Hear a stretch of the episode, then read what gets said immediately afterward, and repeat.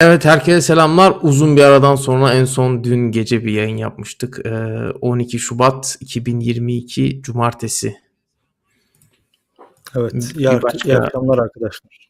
Hoş Bir, geldiniz. baş, bir başka değerlendirme videosuyla karşınızdayız. Dün eee, öyle özel bir şey oldu. Bazı gelişmeler oldu Ukrayna ile ilgili. Sen de biliyorsun bir yandan hemen hızlıca şey yaptık. Tabii. öyle bir Ee, hızlıca yayın bir yapalım yayın dedik. Hah, şeyi paylaştım. Sen Evet, ya- istiyorsan gündemden bahsedeceğimiz konulara değineyim. olur ufaktan Ee, değinebiliriz. Hem de arkadaşlar da gelirler Ee. Güney'deki darbe girişiminden sonra ECOWAS'ın bölge, bölgeye asker konuşlandırması söz konusu. Buna değineceğiz. Benin'deki saldırılara ve Burkina Faso'daki darbe sonrası duruma değindikten sonra Sudan-İsrail ilişkileri ve Libya'da son duruma değineceğiz.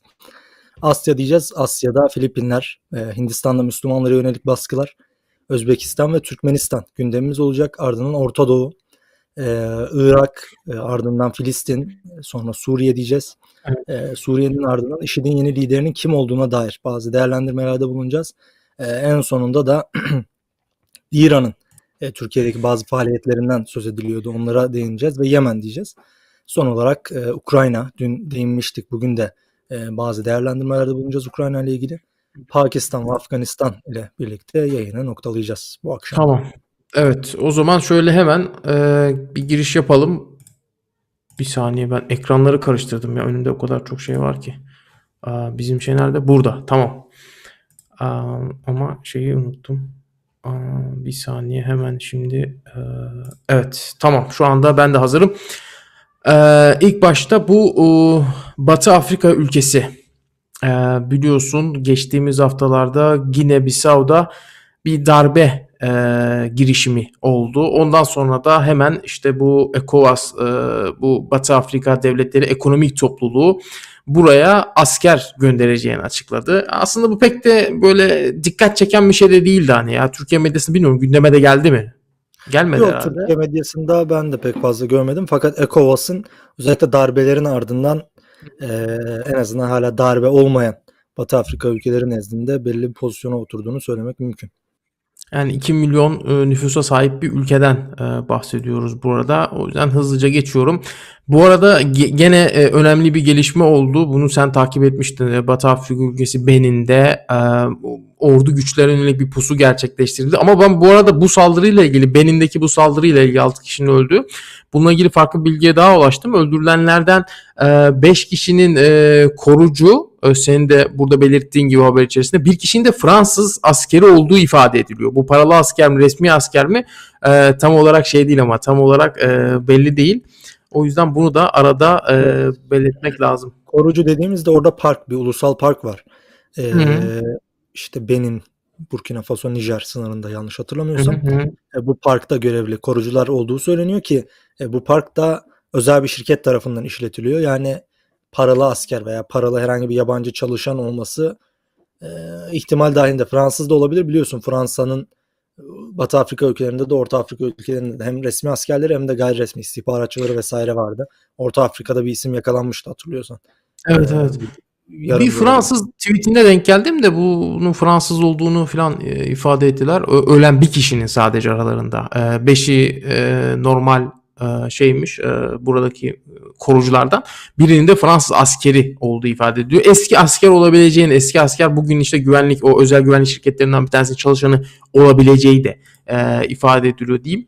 Gene e, bu takip ettiğim bölgelerden biri Burkina Faso'da geçtiğimiz günlerde bir askeri darbe gerçekleştirilmişti. Ve bu darbenin ardından e, yeni devlet başkanı açıklandı. Yeni devlet başkanı da e, darbenin lideri e, oldu. Bu e, Burkina Faso'daki darbe oldukça e, böyle değişik bir şekilde gerçekleşmişti. Hani darbe oldu mu olmadı mı? Hani bu yanlış hatırlamıyorsam Cumhurbaşkanlığı sarayının oralarda e, çatışmalar yaşanmıştı değil mi? Öyle şeyler olmuştu. Evet, e, birkaç gün sürdü. Yani 23-24 Ocak günlerinde. Tam netleşmesi birkaç gün sürdü. Devam etti. Aynen öyle.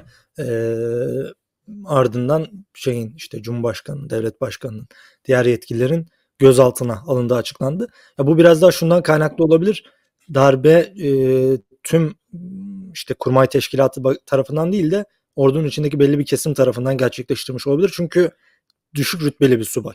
Yani görece Tabii, olarak tabii. Yarbay, Yarbay darbeyi yapan Damibo'nun e, ki kendisi de devlet başkanı oldu haberde de gösteriyor.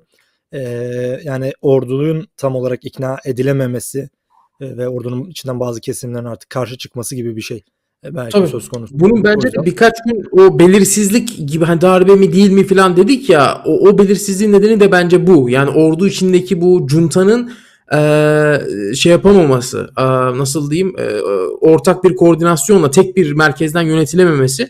Dolayısıyla ordunun tamamı aslında bu darbeye karıştı diyemeyiz yani değil mi? Sadece eee, senin de bahsettiğin gibi eee, bu bir grup yani. Yani görünen görünen kısmı o açıkçası. Ha, Daha sonradan tüm ordu üzerinde uzlaşmış olabilir. E, Evet. Fakat görünen kısmı e, ordunun bir kısmının bu darbeyi yaptığı. Bu arada arkadaşlar mesajlar için çok teşekkürler. Çok güzel geri dönüşler oluyor. İşte yayınlarla ilgili olsun, haberlerle ilgili olsun. Çok sağ olun. Ee, bir de bugün, ya bugün derken geçtiğimiz hafta 9 Şubat tarihli bir haber. Sudan Cuntası iki ülke arasındaki ilişkilerin geliştirilmesi amacıyla İsrail'e diplomatik bir ziyaret e, gerçekleştirdi. İsrail basında yer alan habere göre Sudanlı heyet bu hafta başında İsrail'e gitti. Ee, ziyarete Sudan ve İsrail herhangi bir resmi açıklamada bulunmadı. Bu da çok ilginç Tabii. yani. Ve taraflar aslında biraz şey e, bu konuda Sudan'ın özellikle çok çekinceleri olduğu için Birleşik. Arap Emirlikleri işte Suudi Arabistan vesaire konusunda da İsrail çok açıklama yapmıyordu. E, bunlarla yaptığı temaslarda. Daha sonradan ilişkiler normalleşince biraz e, yaptılar. Sudan'da biliyorsun e, junta biraz daha siyasi meşruiyet peşinde olduğu bir dönemden geçiyor. O yüzden yani Sudan juntasının bir açıklama yapmaması, İsrail'in de onların muhtemelen bir talebiyle açıklama yapmamış olması ihtimal dahilinde. En son tabii takip ettiğimiz kadarıyla orada başbakan da istifa etmişti Sudan'da. Ee, şu anda tamamen e, junta'nın e, yönetiminde e, Sudan. E, o şekilde hep hani söyledi geçmiş yayınlarda da söylemiştik yani Ömer el Beşir'den sonra gerçekten ne zaman artık e, Sudan'da istikrar sağlar, ne zaman e, dikiş tutar anlayabilir daha açık tabirle böyle diyebiliriz. Bu daha henüz belli değil derken başka bir istikrarsızlıklar ülkesine geldik. E, Libya. Libya'da herhalde Aralık ayında fazla istikrar olmadığı yer yani Afrika'nın diğer yani böyle şey savaşın Türk içinde olan yerlerden biri daha istikrarsız. ya şimdi e, özellikle e, ben Türkiye'de de çok duyuyordum hani böyle seçimler olacak falan diye böyle sanki seçimler olunca e, tamam hani istikrar sağlanacak falan ülkede diye bir hava oluşmuştu aslına bakarsan Libya'da. E, burada çok ilginç bir gelişme yaşandı. Bu 11 Şubat tarihli bir haber. E, Temsilciler Meclisi Fethi Başağ'ı e, başbakan seçtiğini açıkladı. Bu arada Temsilciler Meclisi dediğimiz e, ülkenin doğusunda e, Tobruk merkezi yani Halife Hafter'in e, kontrolü altındaki bölgelerden bahsediyoruz. E, Fethi Başağ daha önce Ulusal Mütabakat Hükümeti'nde bakanlık yapmış bir isimdi yani. Evet, Yalnız İçişleri hatırlamıyorum. Bakanlığı İç, ve evet. İçişleri Bakanıydı. Ama şu anda bir başbakan yani gene bir iki başlılık ortaya çıktı. Ondan sonra işte bu Dibeybe'yi zaten sağdaki fotoğrafta bu, ala- bu arada Dibeybe e, o da e, Trablus merkezi yönetimi başbakanı ve o da e, görevde olduğunu açıkladı. Tabi burada şöyle bir şey var. Ben e, arkadaşların an- daha anlaşılabilir olmak için şöyle ifade edeyim. Sağdaki isim yani Dibeybe e, Türkiye'nin de e, Libya'da desteklediği bir isim olarak biliniyor. Öyle öne çıkıyor. Fethi Başağ e, onun da bir kitlesi var. Türk e, pardon Libya'da Türkiye diyecektim. Onun da bir Libya'da bir kitlesi var aslına bakarsan. E, ama ben böyle bir şey açıkçası e, beklemiyordum. Yani Tobruk yönetimi tarafından, Temsilciler Meclisi tarafından yani Hafter'in kontrolündeki bölgeden bir başbakan olarak gösterilmesini ben beklemiyordum. E, ve işte hep dedik da hani burada da oldu aslına bakacak olursan. evet Yani e, burada şu ayrımı da aktarmakta fayda var. Tobruk Merkezli Meclis biliyorsun e, Trablus başkentte kurulan yönetimde sekülerlerle daha İslamcı kesimin uzlaşamaması sonucu e, ayrılmış bir meclisti. Hı hı. E, bu meclis işte Akile Salih meclisin lideri. Artık seçim mi yaptılar yoksa hepsi başağıda mı karar kıldı bilmiyorum. E, onu başbakan yaptılar. Şu anda Birleşmiş Milletler biz Dibeybe'yi tanıyoruz e, gibi bir açıklama yaptı. Yani e, evet. Mevzu aslında seçim yapılamamasından çıktı biliyorsun. Başkanlık seçimi yapılamadı. Aralıktaydı. Yani evet, Aralıkta planlanmış. Sonra ne dediler? Ocak sonu mu demişlerdi? Ee, yanlış hatırlıyor da olabilirim tarihi. Ocağın sonunda ertelediler. Yine olmadı. Heh, yine Ya olmadı. bilmiyorum nasıl yapmayı düşünüyorlardı zaten. Ee, Hiç böyle bir şeyim yok yani. Çok seçim yapılabilecek bir atmosferde değildir Libya. Ya işte hep dedik ya onu geçtiğimiz haftada ya seçim yapılsa dahi yani Libya'da bu bir istikrar sağlanabilecek mi? Daha seçim olmadan neler olur? Çok gergin bir süreç. Hatta Trablus'ta bazı çatışmalar da yaşandı geçtiğimiz hafta. Kendi içlerinde de çatışmalar yaşıyorlar.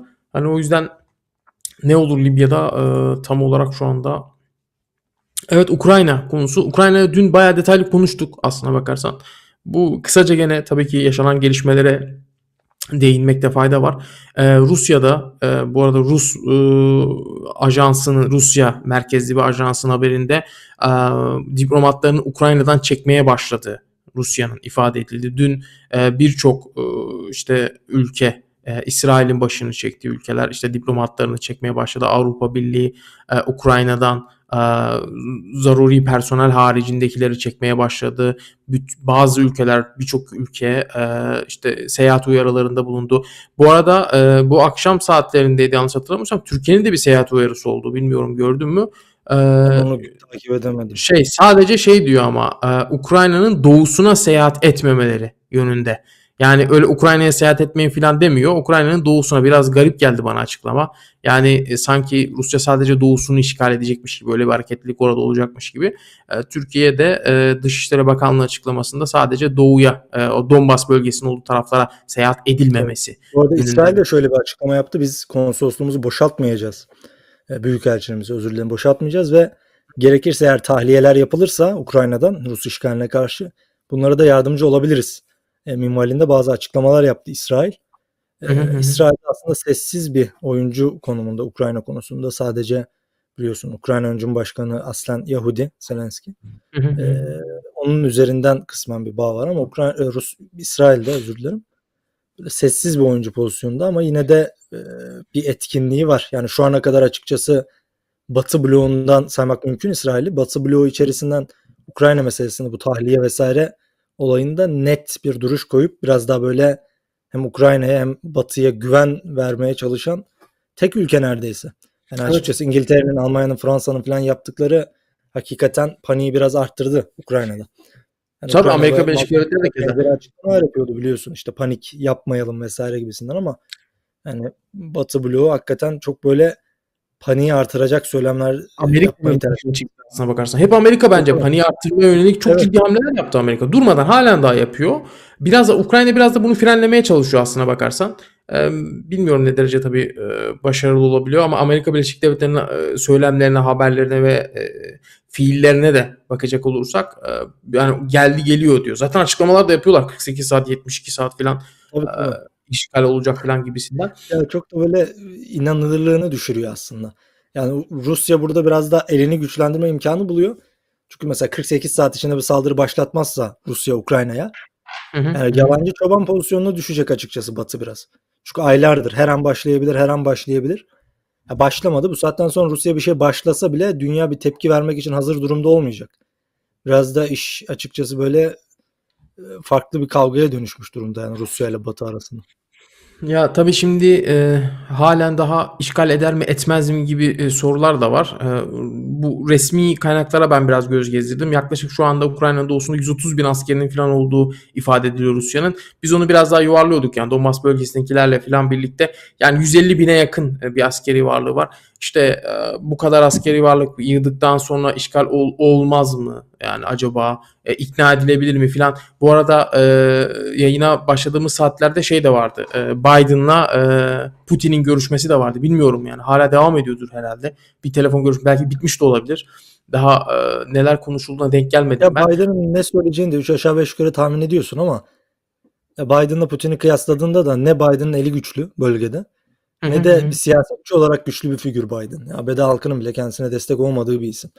Ya burada Tabii. ya bu görüşmeden de bir şey çıkar mı bilmiyorum. Çok böyle Biden yani Rusya'yı en fazla ekonomik yaptırımla tehdit edebiliyor.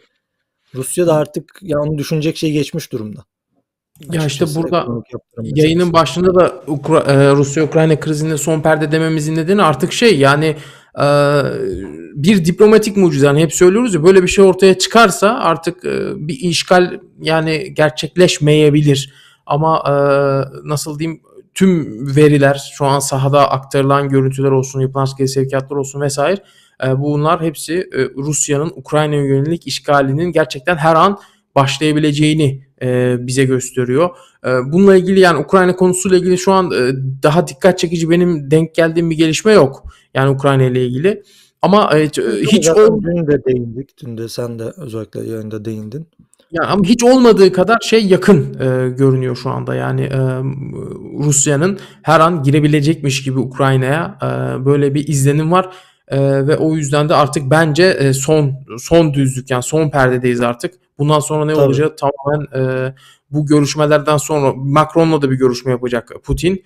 E, bugün yapması bekleniyor onu da. Ondan sonra e, artık Ukrayna ile ilgili nelerin yaşanacağını e, takip ederiz. Belki ilerleyen günlerde orada bir savaşı takip ediyor e, olacağız. Tabii 20 Şubat'a kadar aslında Çin'deki olimpiyatlar bitene kadar bir tarih veriyor aslında batılı istihbaratlar. Fakat işte ne derece inandırıcı olduğunu göreceğiz. Eğer o aşık aşılırsa büyük ihtimalle yani şu- yine şu olacak. Rusya'nın Ukrayna'yı işgal ettiğinde karşılaşacağı tepki büyük ihtimalle çok e, farklı bir noktaya düşecek. Yani Rusya'nın e, nasıl diyeyim 20 te- 20 Şubat'tan sonra özür dilerim Ukrayna işgal etmesi halinde Hı hı. karşısında çok daha az teyakkuzda olan ve kendi içinde nispeten Ukrayna mevzuunda daha fazla ihtilaf yaşayan bir Batı bloğu bulacağını söyleyebiliriz. Çünkü yani çok net bir e, tarih koydu e, ABD bu sefer. Hı. 20 Şubat'a kadar. Hatta bazıları diyor ki yani işte önümüzdeki çarşamba günü işgal edecek. Bunun ardından yine bir işgal olmazsa gerçekten e, dengeler biraz daha değişebilir ki ben Putin'in böyle bir şey peşinde olabileceğini de düşünüyorum açıkçası. Çünkü önemli bir üstünlük sağlar kendisine. Olabilir olabilir. Ama şeyi de söylemek lazım ya. Şunu gene söyleyeceğim ben. Çünkü e, aslına bakarsan Putin elde edeceğini bence kazandı yani. Savaşmadan da kazandı. Yani Ukrayna'nın demek demeye çalıştığım şey şu. Yani Ukrayna'nın bu zamandan sonra artık bundan sonra e, bir daha ne Avrupa Birliği'ne ne de NATO'ya e, hiçbir şekilde e, giremeyeceğini e, göstermiş oldu yani. Hani e, artık bir daha da böyle bir şey yeltenirse e, artık e, eğer bu işgal olmazsa yani Ukrayna e, Rusya bu sefer e, Ukrayna'ya girmezse bir daha yani Ukrayna'nın ben ne NATO'ya ne de Avrupa Birliği'ne yakınlaşabileceğini düşünmüyorum. Ama Putin bir işgalle de bunu tamamen bu ihtimali şey de yapabilir yani bitirebilir yani Ukrayna'yı işgal ederek. Ki son gene şöyle söyleyerek bitireyim ben bu Ukrayna mevzusunu. Senin de söyleyecek bir şeyin yoksa. Yani bütün her şey şu anda sahadaki e, bütün e, haberler, askeri sevkiyatlar, tarafların açıklamaları, tarafların birbirleri arasında anlaşamamazlıkları, anlaşmazlıkları hepsine baktığında e, yani her an e, bir sıcak bir çatışma, bir savaş görebileceğimiz anlamına geliyor yani bütün sonuçlar oraya çıkıyor bilmiyorum ne olacak ama hala bakıyorsun tabii bir de diplomasiye de bir fırsat e, verir gibi de yapıyorlar yani tabii ben Putin hakkındakini bilemiyorum da ee, burada Hindistan'a geçeceğiz. Hindistan'da e, biliyorsun son e, günlerde Hindistan'ın güneyinde e, e, Karnataka eyaletiydi yanlış hatırlamıyorsam. Karnataka eyaletinde Batısında. e, Güneybatı Karnataka eyaletinde e, başörtülü e, öğrencilerin, e, kadın öğrencilerin okullara alınmaması bayağı bir gündem oldu. İşte bugün Hindistan bir açıklama yaptı. Sen de biliyorsun bu iç meselemiz gibi bir aç- aç- açıklama yaptı. Hatta ben şey e, Hindistan basını, Hindistan'daki Müslümanların gündem ettiği bir şey de gördüm. Bu hemşirelik sınavları yapılıyormuş bir üniversitede. E, oraya başörtülü öğrencilerin alınmadı. işte kapıda bekletiyorlar filan. E, onu gördüm. Ee, Gerçekten çok enteresan. Sonradan tabii Hint- Hint kaynaklar şey yaptılar, bazı açıklamalar yaptılar. Alındı bunlar e, sınava diye falan ama e, sonuçta hala ortada bir gerginlik var. İşte bu arada e, şu şunu da şöyle görüntüyü koyalım. Bu görüntü de önümüz e, geçen hafta içi bayağı gündem olmuştu. İşte bu e, bir yandan bu Hint e, şeyler e, Hin, Lutfa.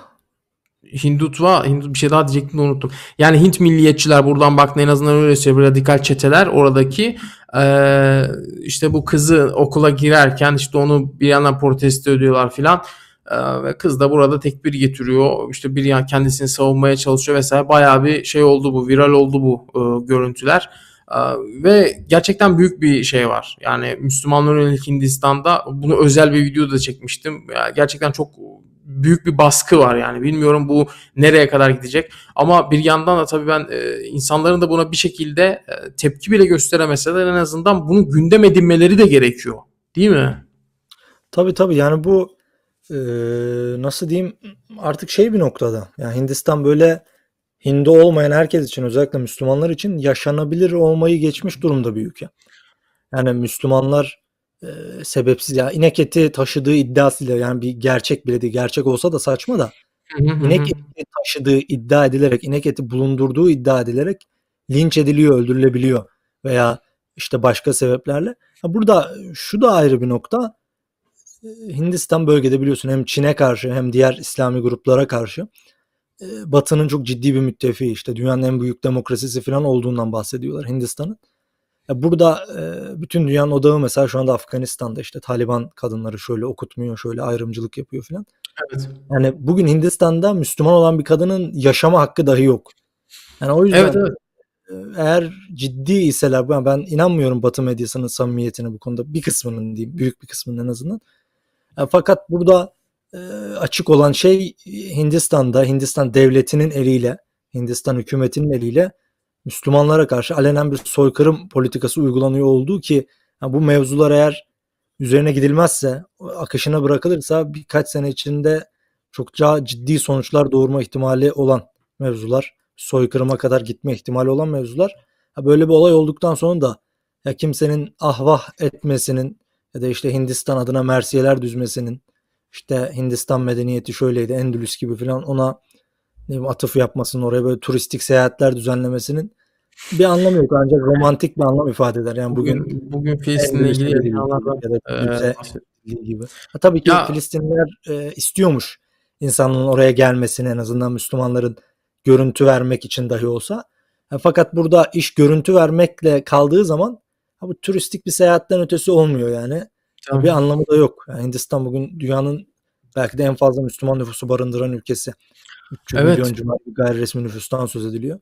Ve e, yani boğuluyorlar yani. Doğu Türkistan'da bugün ne yaşanıyorsa Hindistan'da aynısı yaşıyor. Yaşanıyor ki ben bu konuda ayrı bir parantez açacağım. Pakistan'dan da ben böyle çok güçlü bir tavır göremedim. Yo ben de göremedim. Yani ya böyle açıklamalar falan şöyle böyle şey yaptılar ama biliyorsun bir yazı da yayınlamıştık sitede. Pakistan yeni bir e, milli strateji belgesi yayınlamıştı. Bunda Hindistan'la daha yakın Evet e, evet. barış süreci falan filan bunlardan söz ediliyordu. Ha, bu kapsamda da olabilir ama yani bu biraz da Pakistan'ın önceliklerini, Pakistan'ın tutumunu, tavrını e, görmek açısından da önemli yani. Ya ben geçen bir yerde daha bahsetmiştim yani Pakistan'ın mesela şu anda halkının bu kadar yoksul olmasının nedeni biliyorsun ya Pakistan'ın e, silahlanma Hindistan'a karşı olan silahlanmaya e, çok büyük önem vermesi. Kendi silah fabrikaları falan var. Bayağı silah falan üretiyor. Hatta atom bombasının falan da olduğu iddia ediliyor Pakistan'ın. Söyleniyor en azından öyle. Ben biraz ona biliyorsun mesafeli yaklaşıyorum. Ama bugün gerçekten senin dediğin gibi baktığın zaman şunlara karşı ya Keşmir'de en ufak bir şey olsa işte İmran Han çıkıyor, birileri çıkıyor, komutanlar falan bir şeyler söylüyorlar. Ama şu insanlar tam tersi şu yani. Keşmir'de biraz da iç politikaya yönelik Pakistan'da ya e, tamamen şey şey yapmış durumda ya. Yani lafını kesiyorum kusura bakma yani Yok. Pakistan tamamen iç politika malzemesi haline getirmiş durumda Keşmir. Ya Çok İmran Han diyor ki kimsenin dışarıdan işte biz Keşmir'e gitmesini, yardım götürmesini vesaire istemiyoruz gerekeni biz şey yaparız falan. Yani arka tamamen bir şey yani. gibi bir şey var yani Hindistan'la Pakistan tabii. arasında. Yani şey gibi böyle nasıl diyeyim yani istediği zaman orayı besleyip güçlendiriyor. Hı hı. İstemediği zaman oranın işte hortumlarını kesiyor, sınırları Keşmir tutuyor, oraya kimsenin girmesine izin vermiyor. Ve tamamen şeye dönmüş durumda. Hani yol kenarlarında böyle düşüp kalkan balonlar oluyor ya bu restoranların falan önünde. Ha, evet. E Onlar gibi yani eğer çıkarı yoksa onun havasını kesip söndürüyor. Çıkarı varsa havasını verip kullanıyor yani. Ya Tamamen bu ş- pozisyona gelmiş durumda. Ve çok özür dilerim ya Pakistan halkı da şey yorumlar yapıyorlar. Ya işte Cinnah çok iyi etmiş bize ülke kurmakla işte Pakistan bizim ülkemiz falan. Bu da şunu meşrulaştırıyor aslında. Hindistan'da Müslümanların baskı görmesi, saldırıya uğraması, işte çok temel insani haklardan dahi yararlanamaması normal bir şey. Orada yaşamayın gelin Pakistan'a gibi bir kafa e, şey yapıyor. Açıkçası bunu meşrulaştırıyor. Halbuki tam tersi yani Hindistan'da İngilizler Hintlere bir devlet kurmakla orayı e, ne diyeyim Müslümanların elinden hak olarak, yaşam hakkı olarak en azından tamamen almış olamazlar yani. Böyle bir hakları, böyle bir güçleri, böyle bir pozisyonları yok. Yani e, bunu söylemek açıkçası biraz da bunu meşrulaştırmak oluyor. Yani herkes o zaman kış denilen yerden çıksın herkes dağların başında yaşasın. Böyle bir şey de yok yani. Ya biraz daha nispeten senin de bahsettiğin büyük bir Müslüman nüfusu olduğu için bu bu kadar kolay olacak da bir şey değil. Hani oradan çıkıp gitmeleri 200 milyon resmi olmayan rakamlara göre 200 milyon 180-200 milyon bir Müslümanın yaşadığından e, bahsediliyor konuşuluyor Hindistan'da.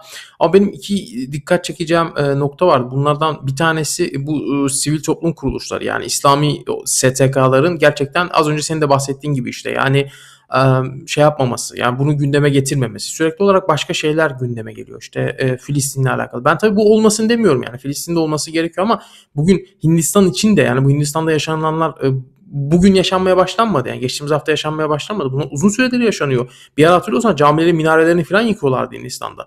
Ya şimdi e, bu, bu görüntüler gündeme gelmese de bu Müslümanların kutsal mekanlarını da e, Hintlilerin biliyorsun Hinduların e, şey yaptığı biliniyor, yıktıkları e, biliniyor. İşte bu toprak cihadı diye onların tanımladığı şeyler var. Bu e, şeylerin, e, Hindutuvaların, Hint milliyetçilerin. Ya baktığın zaman e, yani bunu nereye koyacağız? He, bunun da e, yani burada illaki sivil toplum kuruluşlarının, hükümetlerin, ne bileyim yani ses çıkartabilecek kim varsa medyanın daha yüksek bir sesle e, yani çıtayı biraz yükseltmesi için illa bir soykırım mı yaşanması gerekiyor yani Myanmar'daki? Ya değil yani bu. Ya Myanmar'daki bak Myanmar'da 2013 2010'lardan beri bir şeyler yaşanıyordu. En son 2019'da artık tamamen patladı olaylar Myanmar'da. E, Rohingyalara karşı o zaman tam gündem oldu. Ya orada 2010'dan beri o insanlar zulme uğruyorlardı. Ya şu an biz aynı o senaryonun tekrarını görüyoruz şu an Hindistan'da. Ya inşallah sonu aynı olmaz. Hani yani burada özür dilerim. Sivil olana çok ihtiyaç var. Sivil olan herhangi bir şeye.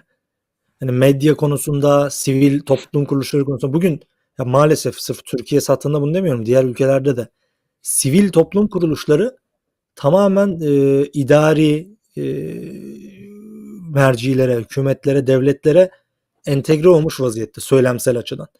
Ha, bu hükümetlerin de açıkçası işini zorlaştırıyor. Yani e, nasıl diyeyim sivil bir e, sivil bir refleks hı hı. E, görülmesi. E, yani STK'ların falan şeylerinden bahsediyorsun. Yani eylemlerden falan. Sivil reflekslerinin olması e, bu işler için hayati önemde. Yani evet. e, çıkıp açıklamalar yapılması, en azından açıklama yapılması, en azından e, Aynen öyle. varlığından insanların haberdar tabii, edilmesi. Tabii. Ya ben de demiyorum çıksınlar meydanlar. En azından bir açıklama ya. Neden bu kadar sessizler? Gerçekten ben de anlamış değilim. Ama videoyu da çok güzel şey yapıyorlar. Çok güzel e, kullandılar şu an ekrandaki e, şey videoyu mesela. Bazı Tabii tabii zaten yani ondan ibaret kalıyor maalesef. Ya işte bu da olmasaydı yani bu kız tek başına orada e, şeylere karşı bu radikal Hindulara karşı bu çeteye karşı bu tekbiri getirmeseydi falan herhalde bu da gündem olmazdı. Yani önünden geçip gitseydi bu da bence e, gündem olmazdı. Hindistan bence gündemde e, tutulması gereken bir mesele. Yani e, burada ülkelere de e, özellikle İslam ülkelerine de büyük yani vicdan sahiplerine büyük şey düşüyor. Büyük bir yük düşüyor. Bu arada e, Özbekistan'da yönetimi eleştiren kişilere yönelik baskıların e, arttığı da ifade ediliyor. Blog yazarlarının yönelik kısıtlamalar, bir takım kısıtlamalar getirilmiş. Şimdi tabii ki Kazakistan'da yaşananlar bu ülkelerin de aslına bakarsan e, bir takım tedbirler e, almalarına da neden oluyor. Bunların bazı tedbirler bunlardan görün, görünüyor, bazıları da görünmeyen tedbirler. Bu da işte e, kamuoyuna yansıyanlardan bir tanesi. E, işte bir e, blog yazarının e, devlet başkanına hakaret suçundan e, gözaltına alındığı e, ifade ediliyor. Tabii o kadar bir e, baskıyla yönetilen ülkelerden bahsediyoruz ki Kazakistan, Kırgızistan olsun işte Özbekistan, Tacikistan, Türkmenistan yani buralarda e, inanılmaz bir baskı var. Yani Türkmenistan'da da e, tabii bazı şeyler yaşanıyor. Ona da herhalde e, geleceğiz. Değineceğiz. Ya Özbekistan bu konuda aslında Tacikistan'la beraber en e, problemli olan iki ülke. E, geçtiğimiz yayınlarda değinmiştik. E, Müslümanlara yönelik baskının ve Müslümanların işte çeşitli örgüt parantezine, örgütlerin parantezine alınarak e, ciddi sıkıntılara maruz bırakıldığı Tacikistan'la birlikte iki ülkeden biri. Burada bu haberde özellikle şu söz konusu sadece şeyle kalmıyor olay. Gözaltına alınmayla akıl hastanesine gönderiliyor bazı muhalifler zor kullanılarak. Evet, yani evet. Böyle hepten farklı bir boyuta ulaştığının göstergesi ki devam eden bir e, süreç ya. İslam Kerimov gidiyor mesela işte Şevket Mirziyo, e, Mirziyoyev geliyor. Bir şey değişmiyor. Yani o gidip başka bir geldi yine bir şey değişmiyor. Burada e, olayın bunu geçen yıllarda da söylememiş söylemiştik.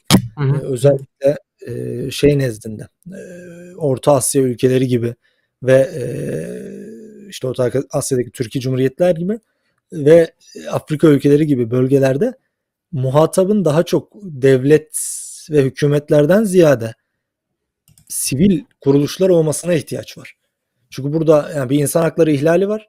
Devlet Evet. dışı aktörler yapmıyor bunu bizatihi. Orada devletin, hükümetin hatta devlet de diyemeyiz. Yani iktidardaki kişinin çevresindeki bir 100-200 kişinin yaptığı bir şey var. Tabii. Bunlar muhatap Yani- bunlar meşru kabul edilip eee, işte yüceltildiği zaman ki bunu sosyal medyada falan çok görüyoruz özellikle. Böyle ihlaller devam ediyor. Yani işte Şevket Mirziyoyev bugün, yarın başka biri olacak. Eee, şimdi ekrana bir geliyor. Yani söylemiştik demek istemiyorum ama bu yani çok bir şey çıkma ihtimali yok yani açıkçası. Birazdan gene şeye geleceğiz. Türkmenistan'da yaşananlara geleceğiz. Bu arada bir son dakika gelişmesi diyelim buna. Ee, Anadolu Ajansı'nın e, Washington'daki muhabirlerinden Putin ile e, Kasım ileri Putin ile Biden arasındaki görüşme mevcut durum konusunda temel bir değişiklik yapmadı demiş ABD'li bir üst düzey yetkili. Yani bir şey çıkmadı buradan. Şimdi bir de e, Macron'la görüşmesi bekleniyor Putin'in. Yani bir şey Mac- çıkmayacak. Macron'la sanki bu sabah görüşmüştü. Sabah mı görüşmüştü ya? Dediğim ikindi saatlerinde. Yani onda Ha, da doğru. buçuk saat falan konuşmuşlardı. Onda da bir şey çıkmış. Ya ben e, Biden'ı daha çok ciddiye alıyordurdan öte Macron'u pek Putin'in ciddiye aldığını zannetmiyorum yani. Ben Macron görüşmesini kaçırmışım ya. Ee, Macron'u da her hafta eleştiriyoruz. yayına, yayına bağlayalım da. şey yani e, mevcut durum konusunda temel bir değişiklik olmamış. Yani bu bakalım. Yani artık e, şimdi bir de 20'sini bekleyeceğiz. İşte, e, o- olimpiyatların Çin'deki kış Evet. olimpiyatlarının sona ermesini bekliyoruz. O olayı var ya ona döndü yani sürekli Evet. olay başa sarıyor. Ve işte Türkmenistan erken seçime gidiyor. Burada Türkmenistan e, Cumhurbaşkanı Kurbankulu Bedri Muhammedov. Bu da- Muhammedov. Berdi Muhammedov pardon yanlış söyledim yani e, muhtemelen yanlış söylediğim için Türkmenistan'da yaşasaydım beni içeri atabilirlerdi. E, seçim kararı alındı ülkede ama kendisi e, seçime katılmayacağını e, açıkladı. Artık kendisi 60 küsür yaşında. Ama 60. resmi bir açıklama da yapmadı yani. E, yetkililer. Evet onu yani ya şimdi Türkmenistan'dan bahsettiğimiz için e, hani e, nasıl diyeyim sana bir tür e, küçük bir Kuzey Kore'den bahsediyoruz yani orada. Yani o e, Berdi Muhammedov'un haberi olmadan böyle bir şeyin e, yayınlanması imkansız yani. Bu arada yani bir parantez açmak gerekirse gerçekten bu biraz sempatik gelebilir yani Türkmenistan isminin iç- e, ülkenin isminin içerisinde Türk var falan falan filan ama ya gerçekten bu ülke de e, halkı tıpkı Kazakistan'daki gibi bütün yeraltı ve yerüstü kaynaklarına rağmen, zenginliklerine rağmen fakirliğe mahkum edilmiş, fakirliğe prangalanmış bir halk yani bu Türkmenistan halkı. Ya biliyorsun e, seninle de konuşmuştuk. Ülkenin ülke dışına çıkabilmek için yani pasaport bile alabilmek için rüşvet e, Tabii, rüşvetlerin verildiği ülkeden bahsediyoruz. Uçak bileti vesaire. Uçağa binmek için rüşvet veriyor. Ya bir de bu e, işte Berdi Muhammedov'un e, hayatına bir bak. Yani e, işte saraylarda yaşamalar. Ya çok saçma sapan videoları var. Altından bir köpek heykeli dikmişti ya. Evet. En sevdiği türün. Hmm, yani bi- biz de tam bir şey yani tam bir diktatör diyebiliriz yani. Arap ülkeleri, Arap ülkelerindeki diktatörlerin farklı bir rengi yani. Evet aynen öyle yani farklı bir versiyonu. E, burada tabii ki kendisinin yerine de e, 40 yaşındaki oğlu Serdar'ın e, Yabancıya gitmesin diye. Tabii yani seçim falan diyorlar ama yok yani öyle e, bir seçim falan ya olabilir yani bir prosedür böyle öylesine bir seçim yapılabilir ama ben bunların bir seçim olacağına falan da yani e, b- bağımsız bir seçim falan olacağına da inanmıyorum zaten. Ya böyle bir Ya ihtimal zaten- yok.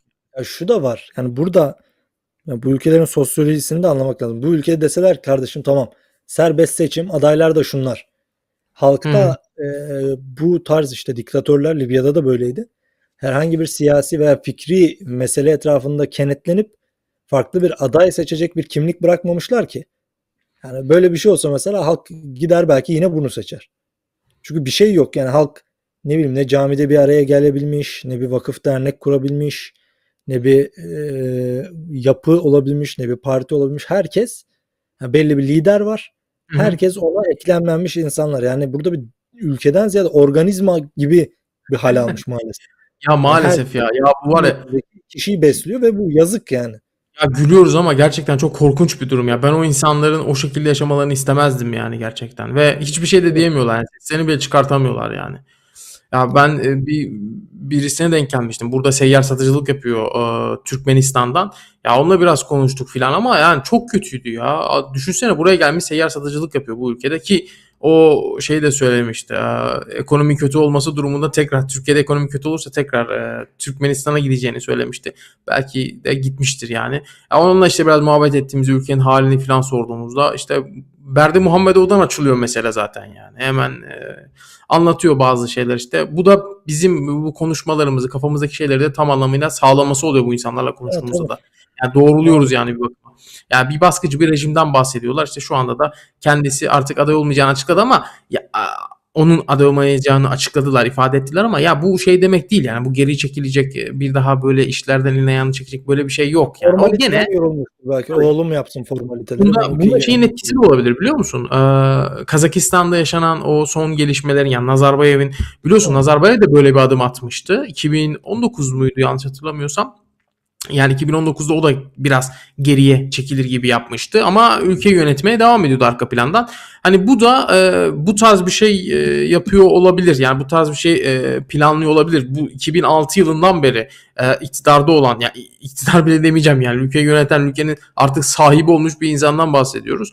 Yani bu da e, şey yapabilir yani. Aynı o tarz yani işte oğlu Serdar'ı getirecek. Kendisi arka plandan yönetmeye şuna da devam şuna da dikkat et.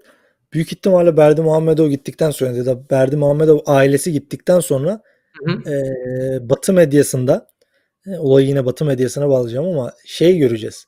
İşte Berdi Muhammedov'un şöyle şöyle köşkleri vardı. Böyle böyle mansiyonları. Ya biliyorsun şey hakkında çıktı ya Nursultan Nazarbayev Evet. hakkında.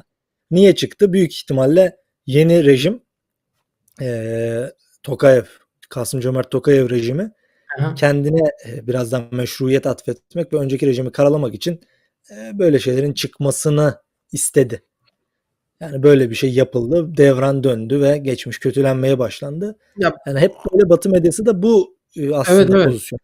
Bir- öldükten sonra yani Nazarbayev öldükten sonra bence daha da başka şeyler de çıkacaktır mutlaka.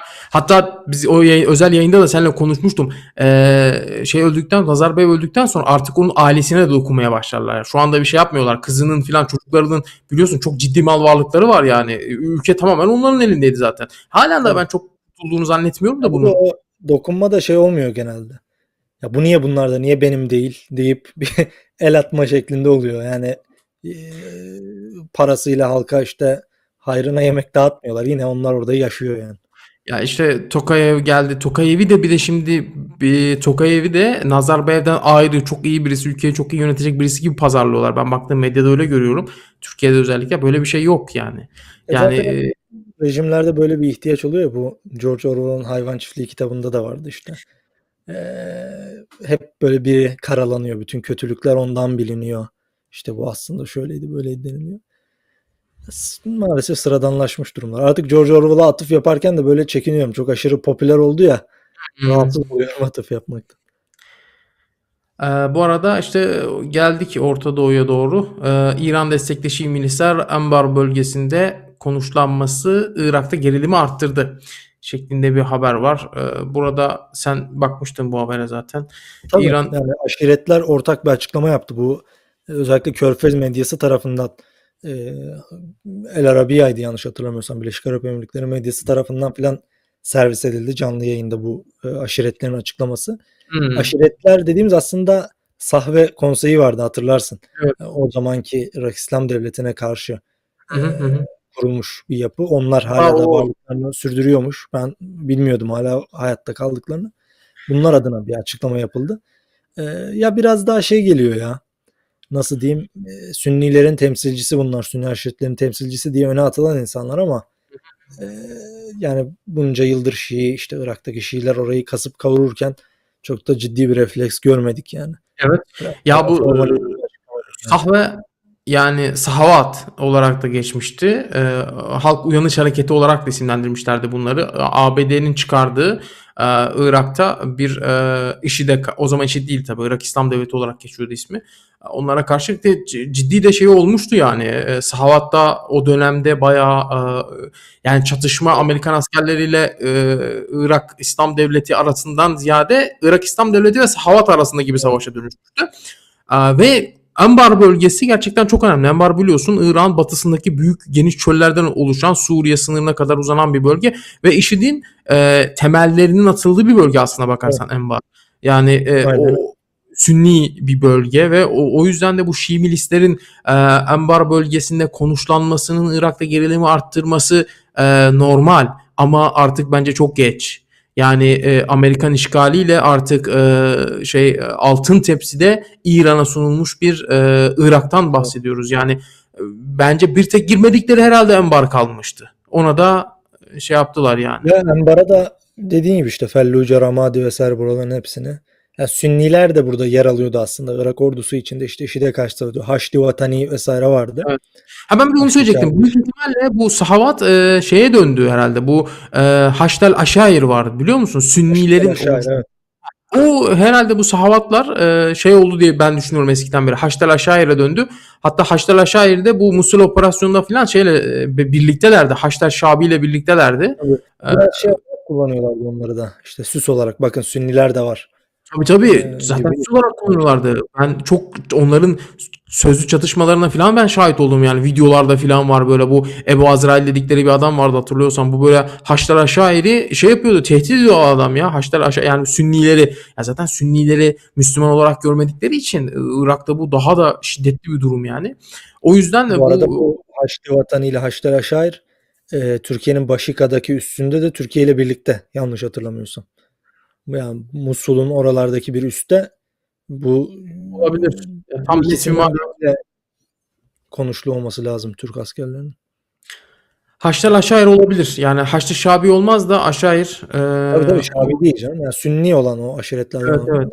Haçlar Bu Aşair. Bu Havat'ında 2011-2012 yıllarındaydı yanlış hatırlamıyorsam. İşte bu Hmm. Saldırılarla bunları bayağı e, yok etme noktasına getirmişti.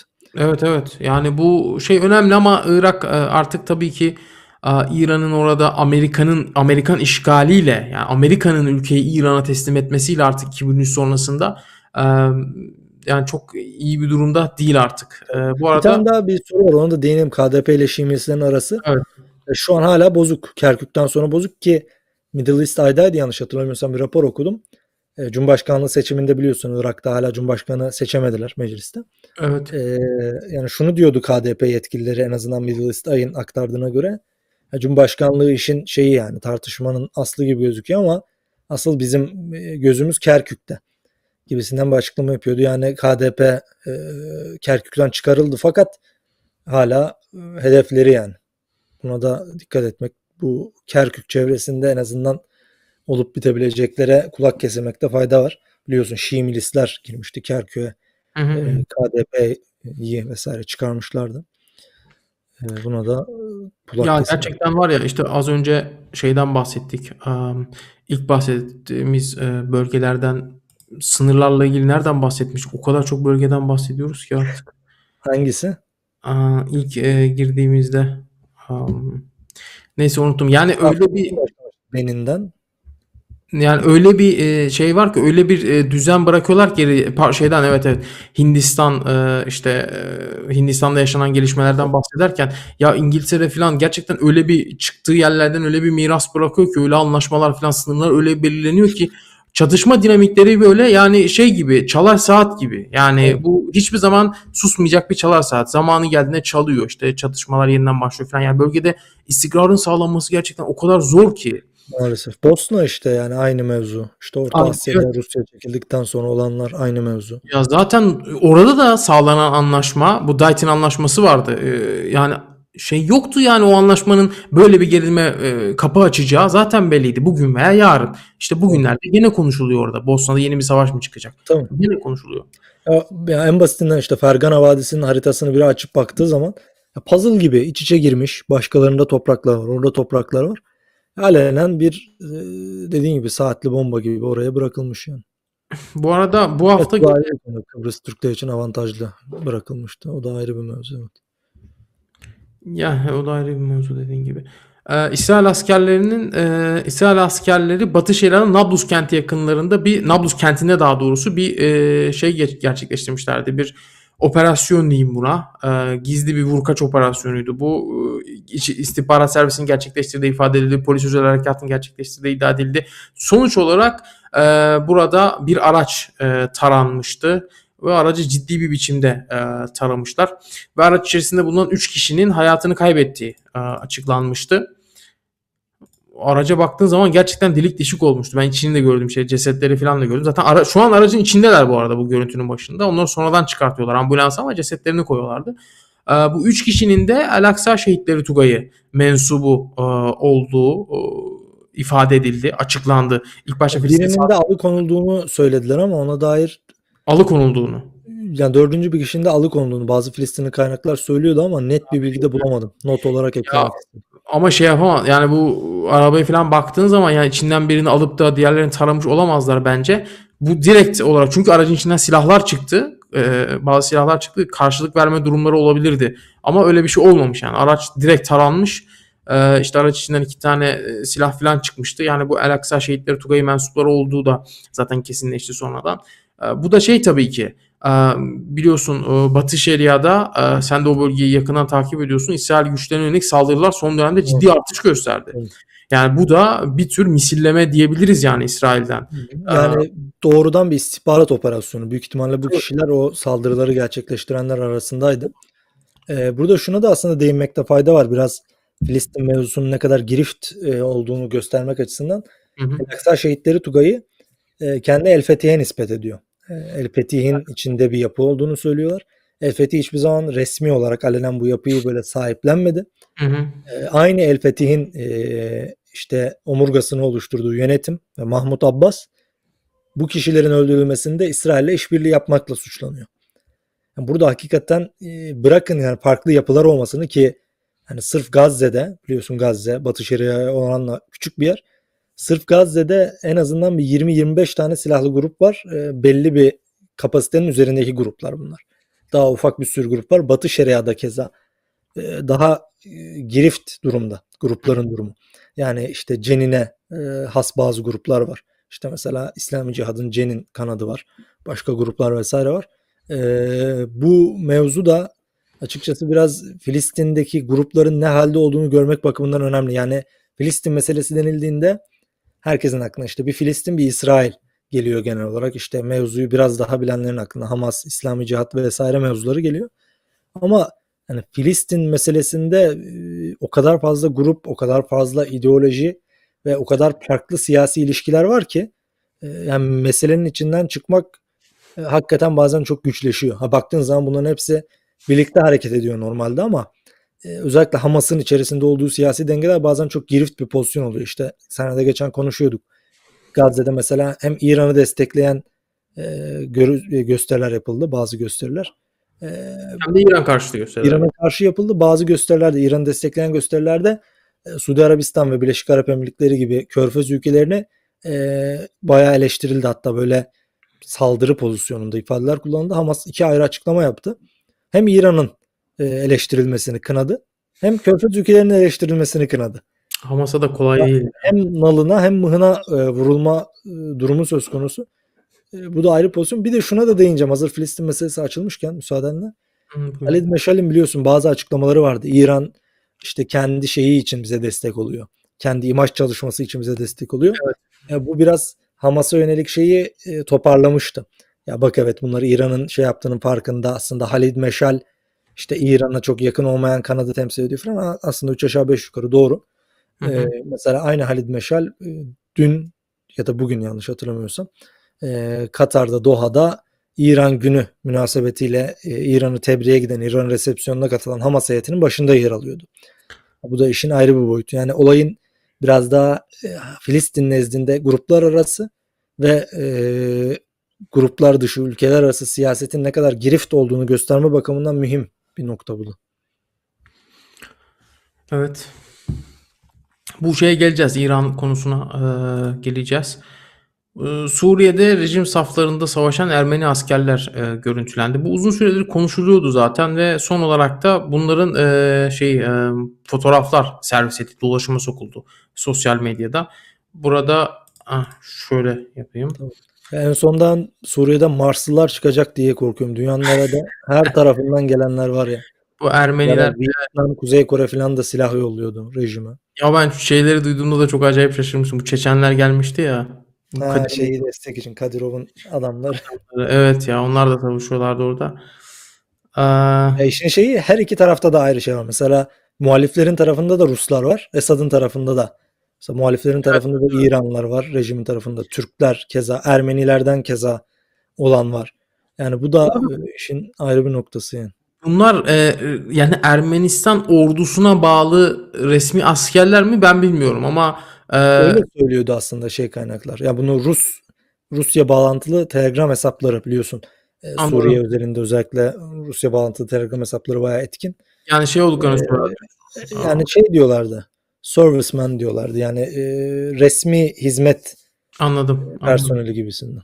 Ya şimdi tabii e, mesela Ermenistan olunca buradan böyle bakınca çok çok da böyle şey gibi de durmuyorlar yani asker gibi de durmuyorlar çok yani. Ya asker gibi durmuyorlar derken konvansiyonel bir ordunun e, personeli gibi durmuyorlar demek istedim. Biraz daha şey olması mümkün. Askeri polis belki biliyorsun. Rus Olabilir. şeyler vardı. Dağıstan'da. çatışmalara dahil olduklarını da ben bunların zannetmiyorum. Zaten bir etkileri olmaz da en son artık adam kalmazsa belki bunları kullanabilirler. Ya adamdan çok bir şey yok ya biliyorsun. İran sürekli Ama o gönderiyor. yani. Baksana evet. Yepyeni bir silahla poz vermiş. Yani bu da e, bu haftanın değişik bir haberiydi. E, Beşar Esed rejimi saflarında savaşan Ermenistan askerleri. Bu arada bugünden bir haber. E, Rusya ve İran destekli Esed rejimi İdlib'de gerçekleştirdiği saldırıda 6 sivili katletti. Bu herhalde yanlış hatırlamıyorsam evet bunu ben gördüm. İki ayrı saldırı. Biri İdlib kırsalında, biri Halep kırsalında. Bu evlerinde oturan Kadın ve insan- çocuk. Evet. Ya çok enteresan. Yani bu tabii ki e, söylenecek bir şey yok ya. Gündeme de. Bu artık e bu bir de şey gibi hani diyorlar ya Suriye'de savaş bitti. Bu yani biten savaş bu kadar. Ya adamlar oturdukları yerde bu top Evet. mermisi düşmüş herhalde buraya. Ya geçenlerde bir video çıkmıştı hatırlıyorsun. Çocuklar bir market gibi bir yerden alışveriş yapıyor. Durup dururken bir top mermisi vurdu çocuğa. Bir tanesi öldü, diğerinin bacakları koptu. Yani bu yani bu yani mevzu Suriye'de bu açıkçası. Da savaş bitti vesaire gibi iç gündeme hitap edecek söylemler kullanılıyor ama Bu arada eh, bir şey de vardı burada. IŞİD'in yeni lideri kim olacak? Tabii ki e, işte Türkiye sınırında gerçekleştirilen operasyon Amerika Birleşik Devletleri indirme operasyonunda Ebu İbrahim el Haşimi'nin öldürülmesi sonrası ki burada e, tırnak için parantez içinde söyleyelim e, IŞİD hala e, bir doğrulama veya yalanlama zaten. Yalanlama yaptığını görmedim de IŞİD'in. Doğrulama yapmadı bu konu hakkında. Bunun öldürülmesinin ardından bir takım adaylar ön plana çıkartıldı. E, işte potansiyel adaylar arasında IŞİD'in Irak lideri Ebu Hatice, Anbar bölgesi lideri Ebu Müslim kendisinden kendisi hakkında e, az bilgi bulunan fakat Bağdadi ve Kureyş'e yakın olan Ebu Salih ön plana çıkıyor. E, Reuters'ın Reuters'a konuşan Iraklı uzmanların eee ifadesi. Ebu Yasir al İsavi var. Bu şu fotoğrafı görünen kişi. Bunu bu da bayağı bir ön plana çıkıyor ama ya bu konularda ben e, Irak kaynaklarını pek güvenilir bulmuyorum açıkçası. Yani bilmiyorum. Zaten bu kişinin yani ölmüş de olabileceği iddia ediliyor. Bu da Eğer yaşıyorsa diyorlar yani. Bu olabilir diyorlar. Yani bilmiyorum yeni bir lider bellidir bence şu an e, ben lidersiz kalacağını zannetmiyorum. Sadece onu e, biraz daha şey yapmaya çalışıyorlardır yani. Ya olay netleştirilmeye çalışıyor olabilir. Çünkü saldırının da detayları henüz şey değil. Ya ABD işte eee, Ebu İbrahim için kendi üzerindeki patlayıcıları infilak ettirdi diyordu. Bugün mesela bir rapor gördüm. ABD yine devletine dayandırılan bir rapor. Hı hı. Eee, ABD'ye dayandırılan bir rapor. Kendi üzerinde patlayıcı yoktu. İşte binanın üçüncü katında patlayıcı vardı. Çatışma sırasında onlar infilak etti. Eee, gibisinden bir şey yapmışlar. Yani burada aslında şey yaptığın zaman biraz sivil kayıpların işte yani bu sivil kayıplar bizden kaynaklanmadı demek için sıcağı sıcağına bu patlayıcı yelek e, iddiasını ortaya attı ABD. Eee, Ya yok. hani olay netleştirilmeye de çalışılıyor olabilir çünkü henüz, eee, tam Ya bugün baktığın zaman Amerika Birleşik Devletleri gerçekten şey insan hakları savunucusu bir ülke gibi gösterilmeye çalışılıyor. Yani bu Amerika'nın yeni temsilcisi var işte Afganistan temsilcisi. Ee, o da işte bir sürekli işte Taliban yok şunu gözaltına aldı, şu kadını gözaltına aldı. Ya yani böyle hala Amerika Birleşik Devletleri'nin yani insan hakları savunucusu gibi hareket etmesinin bir anlamı yok ya Na- nasıl bir Şu- şunu aslında söylemek herhalde bu konuda yeterli olur diye düşünüyorum. ABD'nin 2001'de 2002'de açtığı bir Guantanamo cezaevi var.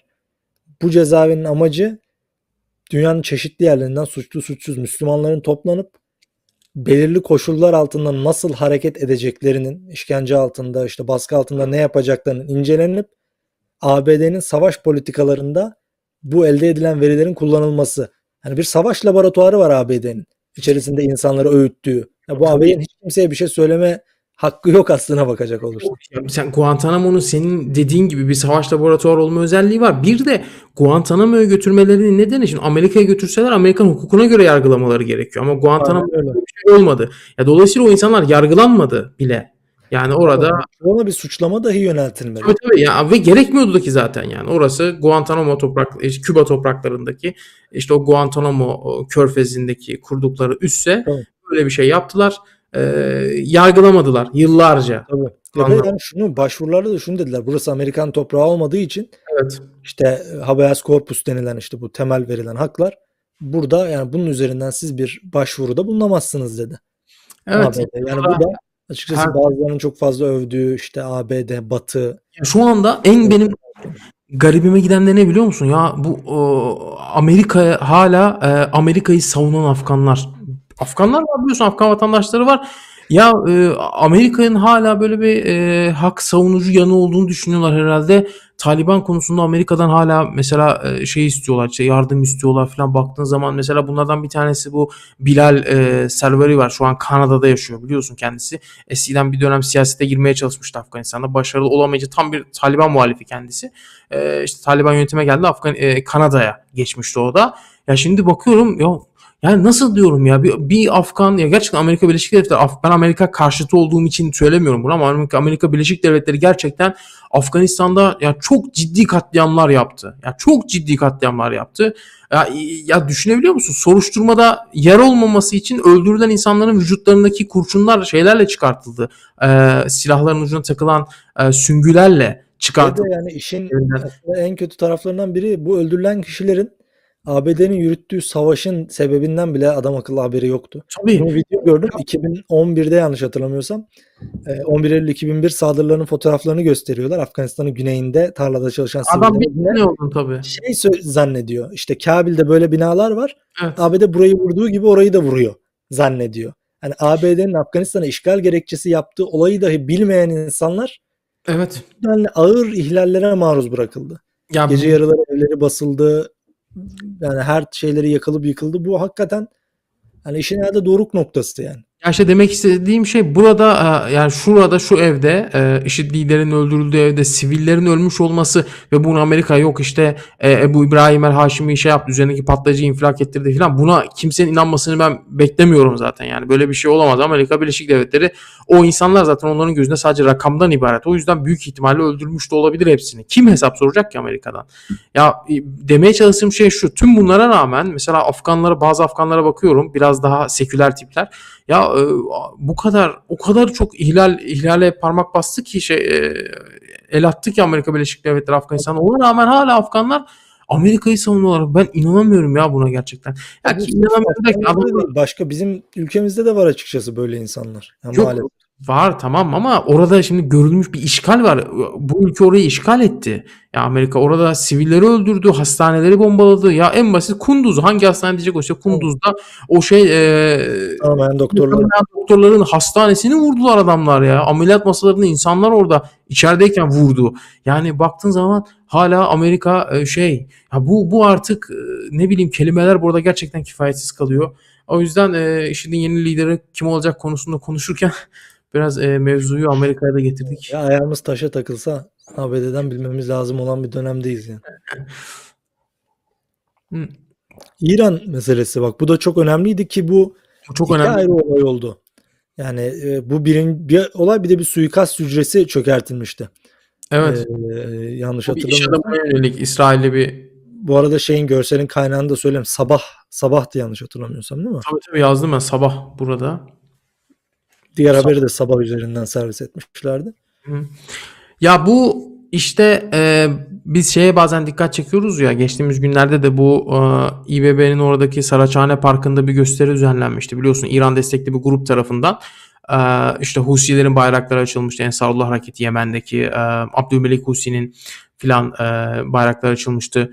Ya şimdi bunu derken biz ben bunu da kastediyorum aslında şu an ekranda görünen şey. Yani İran'ın ciddi bir faaliyeti var Türkiye'de ve bu hiç konuşulmuyor bu faaliyetler, İran'ın faaliyetleri ve bugün baktığın zaman ya insanlar e, e, yani Türk Türk vatandaşlarını İran ciddi bir şekilde devşirmiş. Yani baktığın zaman şuraya baksana. Yani burada Tabii bir sürü bir sürü insan, kadın, adam. Bak Yani mesela e, talimatın alınan kişiler bunlar isimlerinden anlaşıldığı kadarıyla bunlar şeyli e, Farsi yani. en baştakiler Farisi. Daha aşağıdaki şeylerde var. İhsan Sağlam diye birisi var burada mesela. iş adamı ve planlama ekibinden olduğu gözüküyor. Mesela bu aşağıya indiğinde tamam bunların bazılarının isimlerini vermemişler ama büyük ihtimalle bunlar da Türk. Mesela Ya emekli bunların şunu da söylemekte fayda var. Yani bunlar asker bunların içerisinde.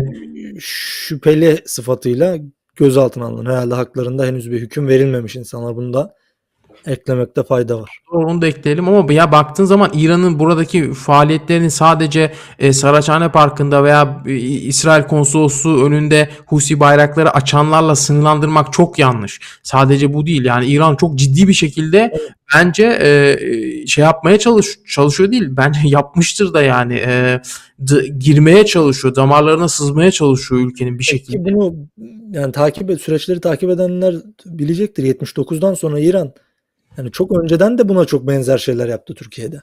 Hı. Çeşitli insanlar işte suikast girişimleri, bazı yapılara işte silah vesaire verilmesi gibi şeyler yaptı ki bu ya nasıl diyeyim 90 döneminde özellikle eee, çok aşikar bir şeydi. Ha, zamanla insanların burada İran'a yönelik sempatisinin azalmasıyla özellikle Suriye Savaşı'nın buna çok etkisi oldu. Ha, bunun azalmasıyla mevzular biraz daha farklı bir hal aldı ama ha, görüyorsun burada böyle dört başı mamur bir e, hücreler ağı oluşturulmuş yani bu haberlere göre. Geçen 2000 kaçtı? 2020'de miydi? İstanbul'dan kaçırdıkları birisini Tabii. biliyorsun tra- e, bir Vito'yla Van'a kadar götürdüler ya adamı. Yolda. Ya Yani- böyle şey nasıl olabilir? Yani ne yani ben bile şuradan şuraya giderken birkaç tane kontrol noktasına takılıyorum yani. Ya Tabii, öyle yani ilginç bir şey yani bu. İstanbul'dan alıp Van'a götürüyor ve oradan da kaçırıyor götürüyor işte.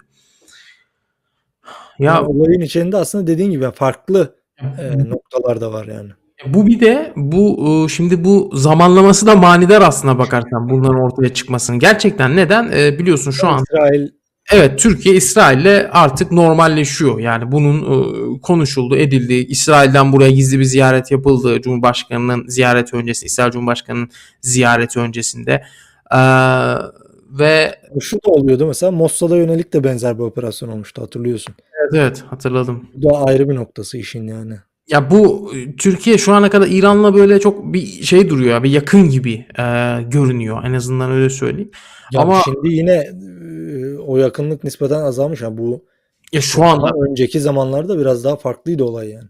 ya Özellikle nasıl diyeyim güvenlik işbirliği tırnak içinde konusunda farklı şeyler e, sadece oynamış. güvenlik işbirliği olsa iyi. de- 2020'de biliyorsun Diyanet'in Tabii, Diyanet şeyi Anlaşma 2019. vardı. İşte Hanefi fıkhının e, İran'da İran'da zaten Hanefi fıkhı diye bekliyor açmış kollarını bana öğretsinler diye. Türkiye'de de Caferi fıkhı öğreti- öğretilecekti.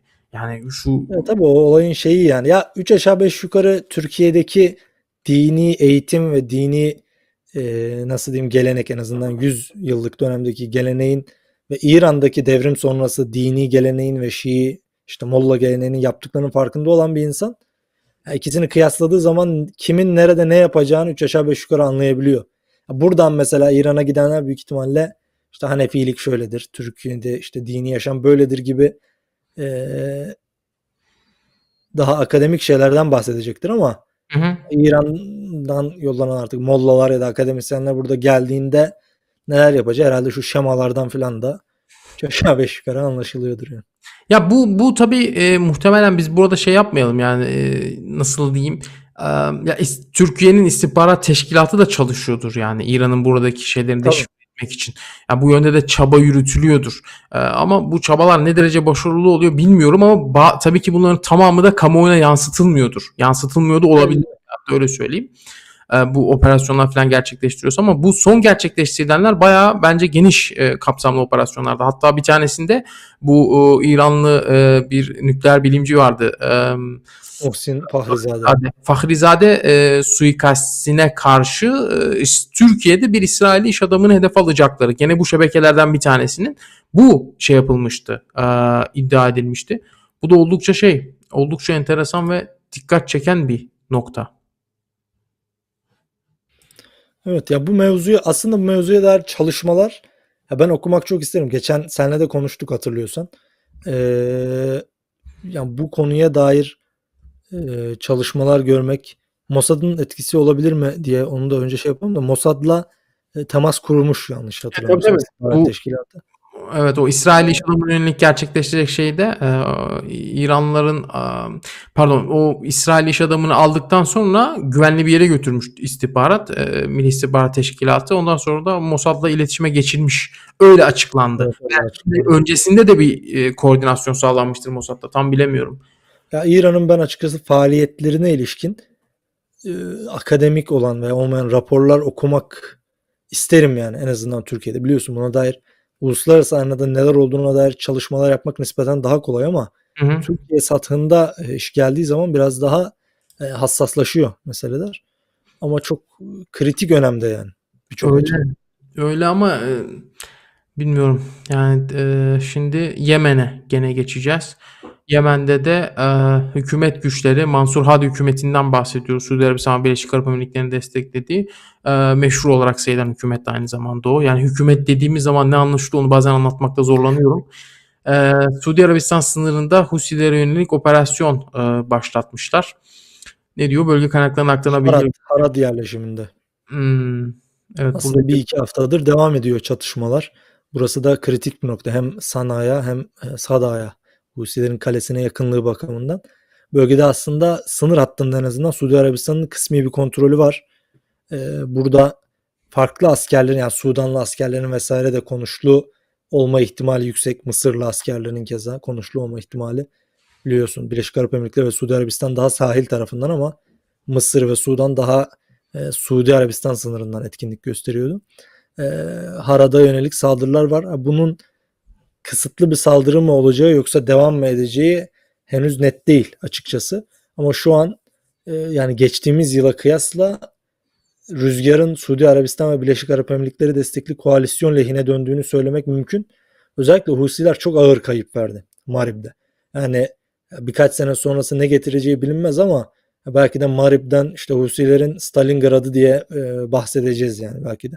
Çünkü hakikaten Evet. orayı almak için çok ciddi gayret sarf ettiler fakat ağır bir kırılma yaşadılar.